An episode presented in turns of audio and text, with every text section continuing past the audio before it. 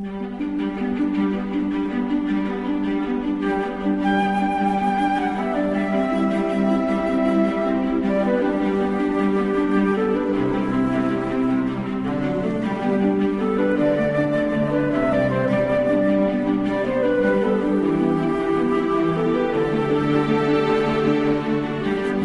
Aquesta hora del matí, eh, que ens acompanya, com sempre, aquesta melodia, sabeu que és el moment que ens agrada desplaçar-nos a un raconet especial per nosaltres, perquè al cap i a la fi no deixa de ser una hora entre intempestiva i plàcida, intempestiva per tota aquella gent que està tornant cap a casa, si ho esteu fent ara, o tot just estan entrant per la porta en aquests moments, eh, i plàcida per aquells que esteu començant a obrir un ull i amb aquestes temperatures ja més pròximes a finals de tardor, eh, és realment gustós passar-vos uns minuts més tapats amb alguna manta, algun llençol.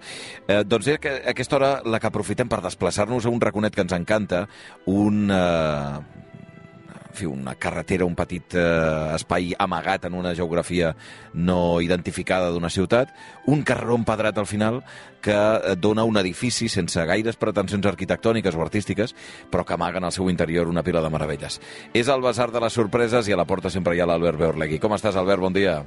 Bon dia, Xavi, què tal? Com va tot? Estupendo, com sempre. Sí? Home, Molt bé, darrer, fantàstic. darrer basar del mes de novembre ja ens plantaré. Sí. És que és, és gros, eh? D'aquí un mes... D'aquí un mes Sant Esteve, eh? és que tu has vist És això? que, dius, a veure, ha passat un any ja? O sigui, on, o sigui a veure... On ha anat? a veure, m'han robat, que me han robado. Sí o no? És Sí, aquesta idea sí, de dir, ostres, però a més, clar, com més gran et vas fent, doncs, clar, ja, ja es diu, és el tòpic, eh? Més, més ràpid passa, però jo em sembla que en el meu cas, els últims, bueno, ja no diria tots els meus anys de la meva vida, perquè ja quan era petit ja em passava tot molt ràpid, però imagina't ara, a la meva ja provecta senectut, com ja tot ja va extremadament ràpid i veloç, vull dir que... Però jo t'he d'imaginar, t'he d'imaginar Beorlegui com un, uh, com un jove, com un nen ja gran, no? O sigui, tu eres un nen gran. Sí, això és el que m'han dit sempre, eh? Va, m- meva mare sempre m'ha dit, nen, és que tu vas néixer vell. Vull dir que... I és, i és això, eh? Vull dir que...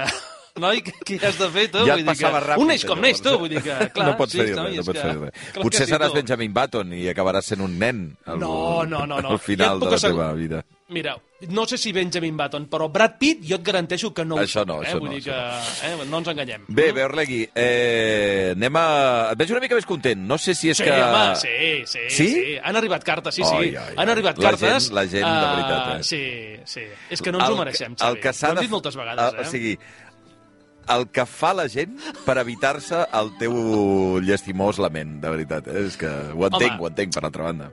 Algun mèrit tindrà aquesta, aquest grau d'humiliació tan extrem, per entendre'ns, sí. el que em sotmeto Sí, sí. just abans de... Però vaja, va ser tu qui vas apretar el botó de, de l'alarma nuclear, Bueno, ja, eh? però O sigui perquè, que... perquè, perquè m'hi obligues, però eh, jo Sí. és, és, eh, no sé si has vist Joc de Trons sencera, però hi ha una escena de la reina que la passegen nua pel mig d'una pel mig d'una ciutat per, per expiar-li els pecats i van cridant shame, shame, Caram, shame, shame, shame on you. shame. I llavors una mica ets, ets, ets tu aquesta humiliació, no? Doncs Enmig sí, del poble sí, sí, sí, sí, sí. Eh, sent eh, humiliat públicament i, i té les seves conseqüències, que la gent llavors envia cartes per, per, per pena, bàsicament, eh? Però... Sí, sí, sí. En fi. Vols que en llegim algunes o no? Sí, sí, mira, en tenim dues. Eh, La primera eh, no té segell, eh, per tant és possible que aquí la va remetre una tal Júlia Font Rius des de Barcelona ens l'hagués portat personalment. És un sobre eh, d'aquells rústics eh, d'un color ataronjat que posa, doncs, això, a basar de les sorpreses, a via lliure, eh, i podem, de dins extraiem un eh, petit paper... Mira, doncs una poesia, una poesia. Ah, mira. Barcelona, 14 d'octubre del 2023. Aquella hora del matí, plàcida i intempestiva, un racó la màgia és viva. Carreró empedrat, aquí. Podeu entrar i sentir P de plaça, C de creu, E d'escala, D de deu, I d'invent, P de pastís, U d'utòpic però feliç, benvinguts, passeu, passeu. El meu espai preferit, el Basar de les Sorpreses, fantasies i incerteses, els diumenges des del llit, o en podcast, en diferit, quan la feina he acabat, és la calma en pur estat. Pujar al Beorleg Express m'ajuda a treure'm l'estrès amb té de tranquil·litat. Ah, Oita, quina bravo, pressió més maca. La bravo, Júlia Júlia. Font, des de Barcelona, clar que sí. Moltíssimes ostres, gràcies. que- No ha enviat, no ha enviat el... No hi ha remitent, no? Per tant, no podràs respondre-li, però vaja. Sí, sí, sí, la Ah, sí Júlia hi Font, és, sí, sí, a l'adreça, sí, sí, Ah, des de perdona, Barcelona. perdona, eh? m'ha semblat que no. Eh, Amb la, amb, no, no, amb el, amb el carrer i tot, eh? Vull dir que. Evidentment, avui mateix, al Gràcies, vespre, Júlia, serà gràcies. contestada. Eh? Mira, i la segona carta, ens la, mira, també la rebem des de Barcelona, la seva remitent és Dolors Rayo Lozano. De dins extraiem uns uh, fulls uh, de color verd, uh, tamany uh, A5, o sigui, tina 5, i podem llegir el següent, Barcelona 5 de novembre del 2023. Benvolguts, Albert i Xavi. Si tinc la sort que aquesta carta es llegeixi entre el 15 de novembre i el 3 de desembre, us hauré pogut felicitar els dos. L'Albert el 15 de novembre i el Xavi el 3 de desembre. Doncs Bravo, sí, mira, sí, senyor. ha tingut la, la xispa de que ha arribat a- entre aquest període de temps. Des que comença la secció eh, fins que finalitza el Basar de les Sorpreses, eh, em porta un somriure permanent als llavis. Excepte ara que acabo d'escoltar com llegíeu la carta de la germana de la noia víctima d'un feminicidi. Mm -hmm. Quina xacra que vivim les dones i totes les persones de bona voluntat que són capaces de reconèixer, sense embuts, que tenim un problema social molt greu i que tot és poc per intentar solucionar-lo.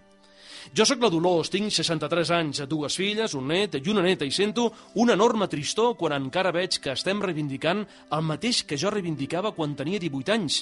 Llibertat, amnistia, respecte per les dones, contra tota mena de violació. Aquesta carta espero que contribueixi a que el pluricó s'endarrereixi una mica. Segur que un dia apareixerà, tot torna, però també estic segura que els i les oients no deixarem que la manca de cartes pugui causar el que seria un desastre sideral que no poguéssim gaudir d'aquesta estona de ràdio, que es mereixeria un Premi Ondes. Senyores i senyors que atorgueu els Premis Ondes, tinguin en compte el Basar de les Sorpreses. Ha passat Una ja. forta abraçada per tots i totes que compartim aquest eh, plaer de diumenge. Va ser dimecres, eh, sí, sí. Els Premis Ondes ja van ser dimecres, amb tota la pompa al l'any que Liceu ve, i- Xavi, escolta, Sí, sí, de cada ja- any que ve... Ja, Digues, digues. Hi ha, no, que hi ha una pila de, de seccionistes que aneu demanant la vostra candidatura, Sí, perquè els, execra sí. els execrables porten unes setmanes dient també que... A la cua. Que, exacte. Però, eh, per cert, des d'aquí, un agraïment immens a la Dolors per aquest missatge, eh, que sàpiga que eh, la referència que ha fet a la, a la oient que ens va escriure, que és l'Agnès, eh, parlant del feminicidi de la seva germana, eh, que va ser una de les cartes que més ens han impactat en els últims temps, eh, vull recordar-ho també perquè ahir va ser 25 de novembre i això vol dir que és el Dia Internacional contra les Violències eh, Masclistes. I, i, i, i m'agradaria explicar que ens hem posat en contacte amb ella, amb l'Agnès, eh, per eh, mirar de xerrar-hi i, evidentment, eh, respectem també una qüestió fonamental, que és que tota la família han decidit no parlar d'aquesta qüestió o, o no fer declaracions públiques i, per tant, des d'aquí eh, tot el respecte més absolut, però eh, teníem la impressió que una persona que ens havia escrit explicant aquesta situació, com a mínim, no només mereixia una resposta, sinó una invitació per part del programa. Evidentment, en qualsevol moment que, que aquesta família vulgui explicar alguna cosa, com se senten, com estan, eh, tindran els micròfons de l'antena de rac obertes i del Via Lliure en particular. Eh, però volia recalcar-ho perquè, efectivament, ahir va ser una jornada important en aquest aspecte, que és el 25 de, de novembre. Per tant, gràcies a la Dolors també per recordar-nos-ho a través de la seva carta que ens va enviar a principis del, del novembre. Bé, hi ha una cosa important sobre això, eh, Beorlegui, que és que ara és veritat que totes aquestes cartes que ens han escrit eh, de cop arran del Pluricó Cat Sí. eh, tenen l'avantatge que moltes d'elles les podrem llegir molt immediatament després d'haver-les eh, enviat, que és una cosa que, que no sol passar. Per tant, eh, bueno, jo convido igualment i que sapigueu que ara que ja estem pràcticament en ple Nadal, que ja a Barcelona han obert els llums, eh, molts llocs de Catalunya, les fires de Santa Llúcia, que hi ha tanta gent que ja està començant a fer els preparatius, eh, que també és època perquè envieu, si voleu, postals nadalenques, que és una cosa que també ens fa especial il·lusió aquests dies. Eh, Beorlegui, ja saps que la gent les, els podem seguir convidant a escriure'ns a l'adreça habitual, que és el Via Lliure, Basar de les Sorpreses, Avinguda Diagonal 477, planta número 15, codi postal 08036, a Barcelona, i el compromís és el de sempre eh, llegir-les una per una i respondre-les també totes. Bé, eh, aniré a veure si tenim el Berlegui Express i si hi ha bandereta. Hi ha bandereta Julieta... Home, però aquesta és fàcil. Sí. Hosti, aquesta és fàcil, Sí, fins home, i tot sí. per tu, que normalment no tens gaire Home. interès en les banderes. Però és el teu, és el teu país preferit, no? Verd, Sí, blanc, vermell... sí, sí, sí. Això és Òbviament. Itàlia com una casa. Sí, i a més anem a una de les ciutats més esplèndides, que és eh, Bologna, capital de la regió d'Emília-Romanya, una ciutat de gran història, coneguda pel sobrenom de Bologna la Docta, per la seva universitat, recordem, la més antiga d'Occident, però també Bologna la Grassa, per la seva excel·lent cuina. Es diu que la lasanya ve d'allí, com també els tortellini i, evidentment, la salsa bolognesa. Però la nostra breu visita a aquesta magnífica ciutat obeeix a raons arquitectòniques. Estàs a punt? I tant. Doncs apa, som-hi!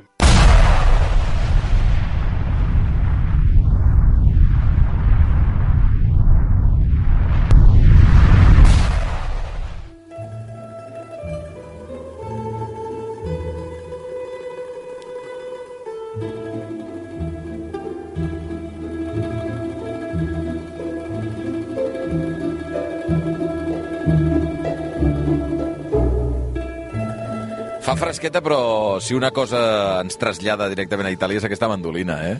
Eh que sí? Ai, ai, ai. és que és tan deliciós aquest Ai, so. ai, és que a mi, patapam, eh? Ja ens traslladem Oh. en aquesta ciutat que és, que per aquells oients que no hi hagin estat, és una ciutat monumental. No té, evidentment, la, la gran allau de turistes eh, com eh, que si a Venècia o Florència, però és una ciutat extraordinària amb, un, amb una de, de carrerons, d'edificis i, sobretot, el que és més característic és les seves torres. Es pensa que al llarg dels anys se n'han erigit a la ciutat unes 180, però actualment hi ha dues de molt famoses, que són les conegudes com i due torri, la Garisenda, de 48 metres, i l'Alcinelli, que en té el doble, 97 metres. Pensa que les dues van ser construïdes entre l'any 1109 i l'any 1119. Tenen, per tant, prop de 1.000 anys d'història i deuen el seu nom a dues famílies, els Garigendi i l'Alcinelli, que, com no podia ser, evidentment, de cap altra manera, estaven enfrontades. Eh? Uh, de totes maneres, uh, Berlegui és una mica la història aquesta, que també és molt italiana, no?, al final, dels Capuleto i dels Montesco, no?, de, de Romeu i de Julieta. És que ara estava, Sí. uh, estava admirant aquestes torres. Sí. És, és sorprenent, eh? Perquè són És molt... fantàstic. Però són molt diferents i estan molt, molt a prop unes de la- de de l'altra, no?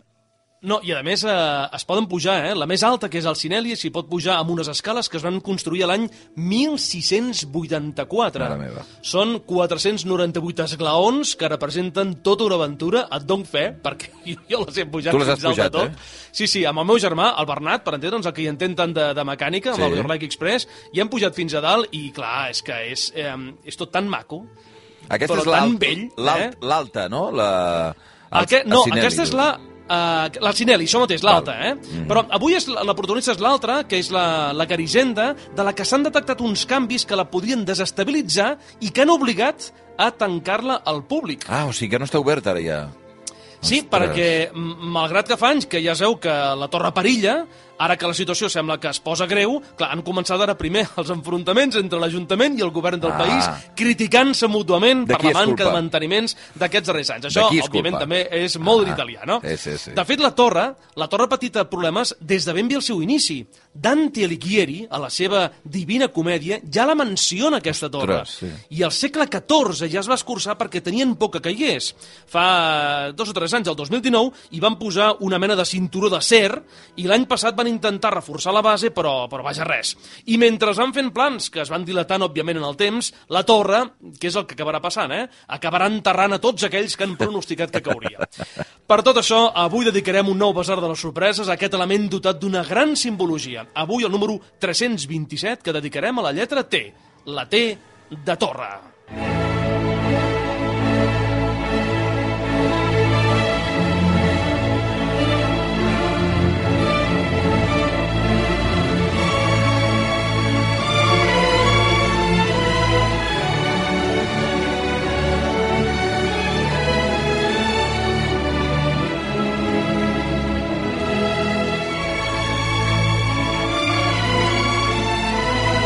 Mentre fem aquest viatge de vista d'ocell, no? jo m'imagino passejant per, per moltes zones d'aquesta Itàlia tan bonica, plena de torres, com la que estem veient aquest matí des de, des de Bologna, eh, hem, hem de recordar que el, que el Basar ja és un espai on hem eh, reivindicat elements arquitectònics diversos que a tu t'impressionen i que t'agraden, com els, els castells, els edificis, les cases, no?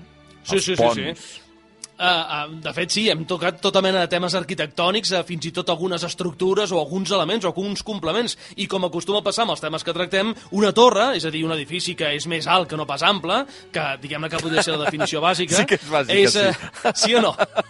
és veritat. Més És, a veure, no ample, ningú, eh? ningú pot dir el contrari, efectivament. Això mateix, eh? Vull dir que és quelcom que eh, és molt més que una construcció, no? Clar. Li podem donar una funció religiosa, les torres dels campanars cristians, per exemple, o els minarets de les mesquites musulmanes, o les pagodes dels temples budistes, però també té una funció militar. Les torres vigia, les torres d'homenatge del castell, les torres d'assetjament, o fins i tot a les darreres dècades, que això hi ha una funció gairebé tecnològica, quan parlem de les torres de refrigeració, les torres de control dels aeroports, les torres de comunicació, les torres d'alta tensió.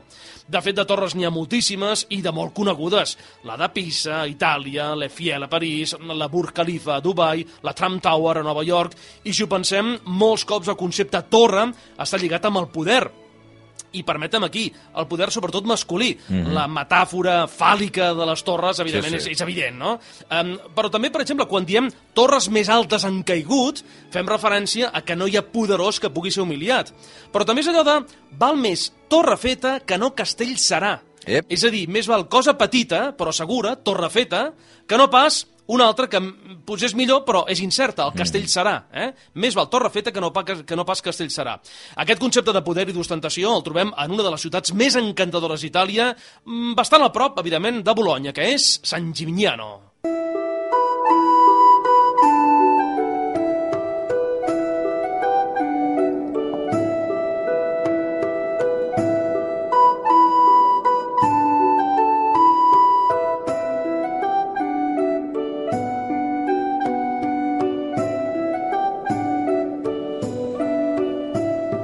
Imagino que sent Itàlia i sent una població que... No sé si l'has visitat més d'un cop, més d'una. No, una. Una, Només una només vegada. una. De, de, eh, deus conèixer pràcticament tots els racons no, d'aquesta ciutat, de què n'has parlat més d'una vegada ja.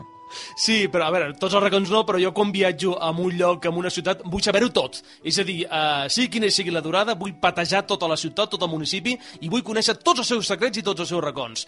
I home, Sant, Gimi- Sant Gimignano és una d'aquestes viles absolutament encantadores, petita vila emmurallada, d'origen medieval, erigida dalt d'un turó, fundada pels etruscs al segle III abans de la nostra era, no arriba als 8.000 habitants, i el seu element més característic són les seves torres, que destaquen notablement i que van ser erigides també fa molts segles. Originàriament hi havia hagut 72, però, bueno, ja se sap, les guerres, les catàstrofes naturals, alguns arquitectes i urbanistes insensats les han reduït a només 14.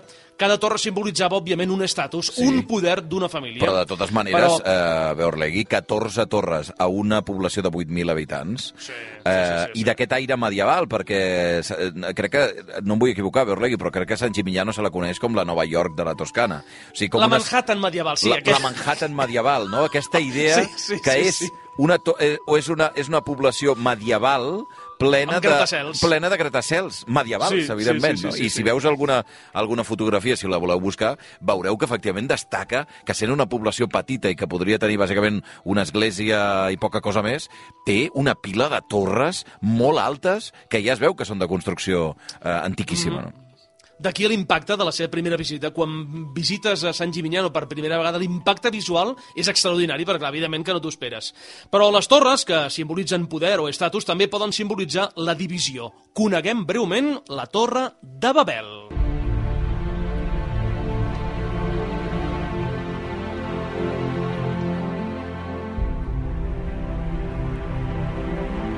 Si parlem de la Torre de Babel, parlem de llengües i parlem d'enfrontament, evidentment.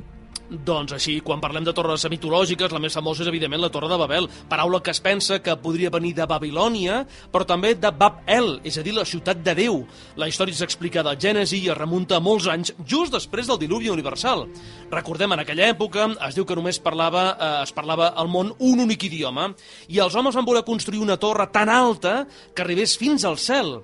I a Déu aquesta mostra de supèrbia no li va agradar, de manera que els va maleir fent que parlessin en diverses llengües perquè no les entenguessin i no poguessin acabar la torre. Perquè quan un demanava una tutxana, l'altre li portava per entendre'ns l'entrapa de xoriço, eh? diguem-ho així. Eh? Es diu que després d'això la humanitat es va dispersar portant arreu del món totes les llengües que es coneixien eh, fins avui dia. I si la Torre de Babel és un episodi bíblic, hi ha una altra torre, els orígens de la qual la trobem també a l'edat medieval, la Torre de Marfil.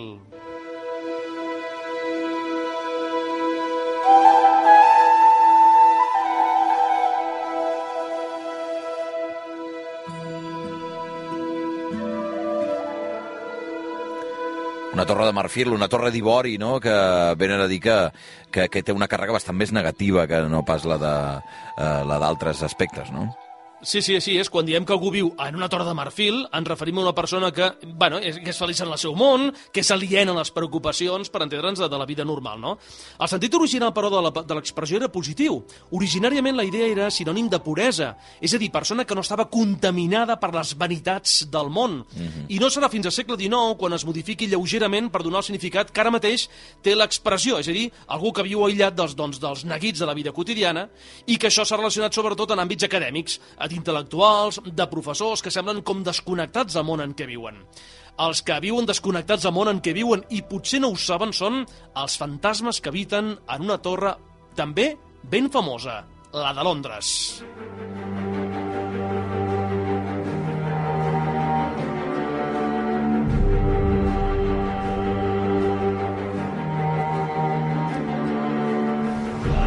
Una torre que segur que has visitat també, eh, Berlegui?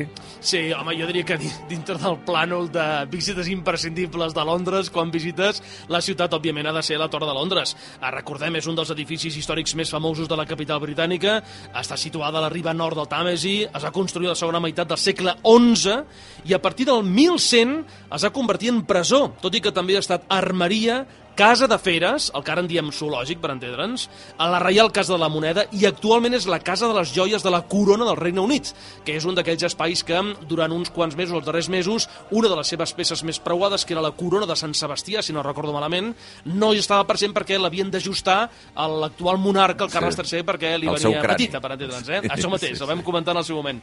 La fama d'aquesta construcció, però, va venir a partir dels segles eh, XVI i XVII, quan nombrosos personatges eren enviats a la torre com a pas previ per ser executats a poca distància d'allí, el Pujol, precisament anomenat de la Torre.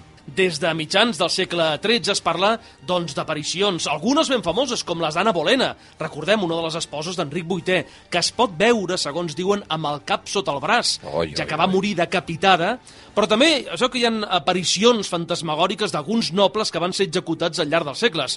Hi ha qui diu que s'han arribat a veure veritables processons de difunts. Algunes d'aquestes figures són, mm, diguem-ne, monarques, són reis. Ha altres torres que poden matar, efectivament, reis, però aquestes són les peces d'escacs.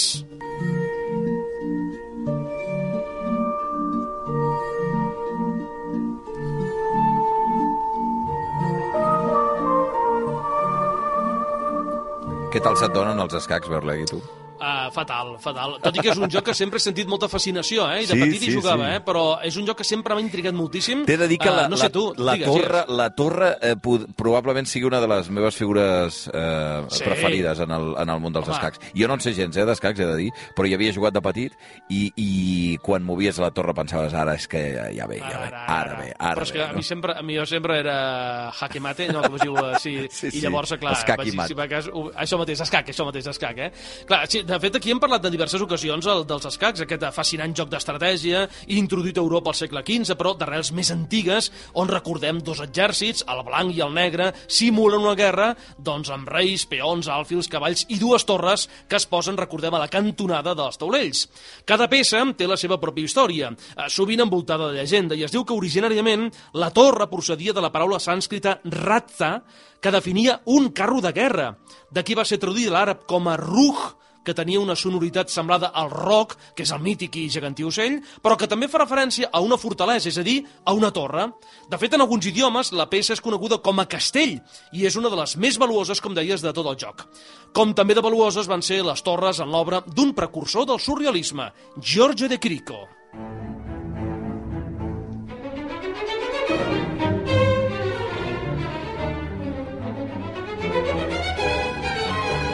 Va, parlem de Giorgio de Chirico, qui era?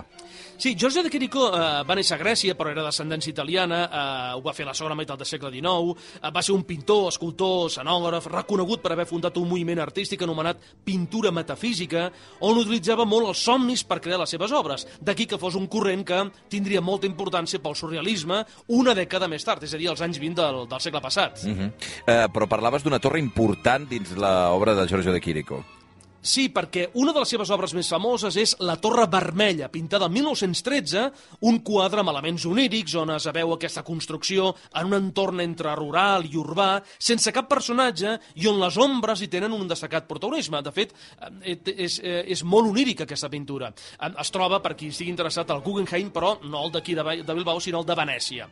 I vermella no, però d'or és una torre també ben famosa, la torre d'una sarsuela.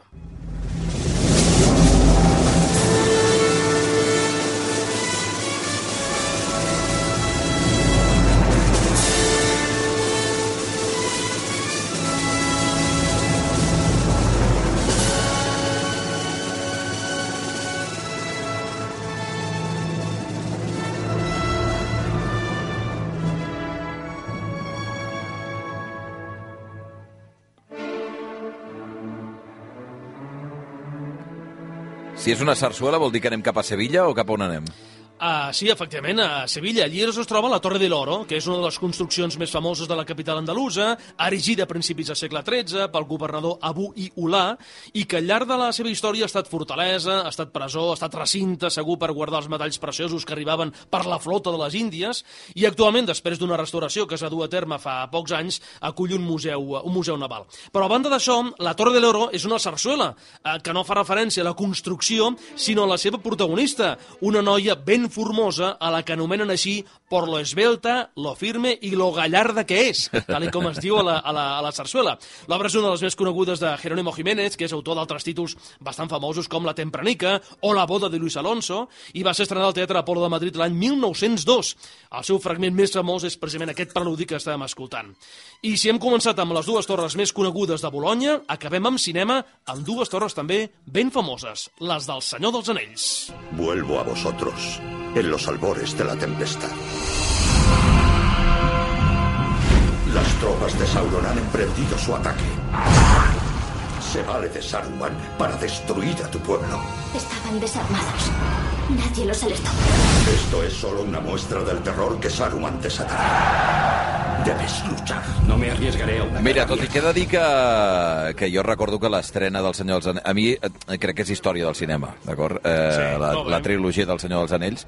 Eh, crec que una generació que la vam començar a veure quan érem molt joves ens ha marcat i que hi ha una pila de gent que li ha marcat la, la imperial eh, narració del Senyor dels Anells, però tinc que la percepció i gairebé el convenciment que no és la teva nissaga preferida de la història del cinema, Berlegui. No, home, home, jo tinc altres nissagues preferides, evidentment, que passen per la d'un famós arqueòleg, que tothom, tothom sap quin és, però uh, que no és, no, és, no, és, no és trilogia, ja sabem que és pantalogia, eh? Mm. però jo tinc molta debilitat per la Senyor dels Sí, Anells. eh? En el seu moment era el... Pri... O sigui, quan el dia que s'estrenava, jo, a l'Imperial de Sabadell, Home, a veure home, home. les... Uh... Bueno, de fet, perdona, quan es va inaugurar l'Imperial... Uh... No, perdona, va ser la, la, segona, la segona trilogia, mm la que era molt més discreta, la Hobbit, per entendre'ns. Sí. que aquesta sí que el vaig a l'Imperial, però quan es va estrenar la primera, a l'Imperial encara no estava, no estava inaugurat. Per No tant, la estava veure el- el- reinaugurat, no? Perquè no estava originalment reinaugurat, sí que hi era, però... diguem-ho així. No estava reinaugurat, però recordo, diguem una gran expectació. A més, es va estrenar, recorda, amb, amb tres anys consecutius, Sí.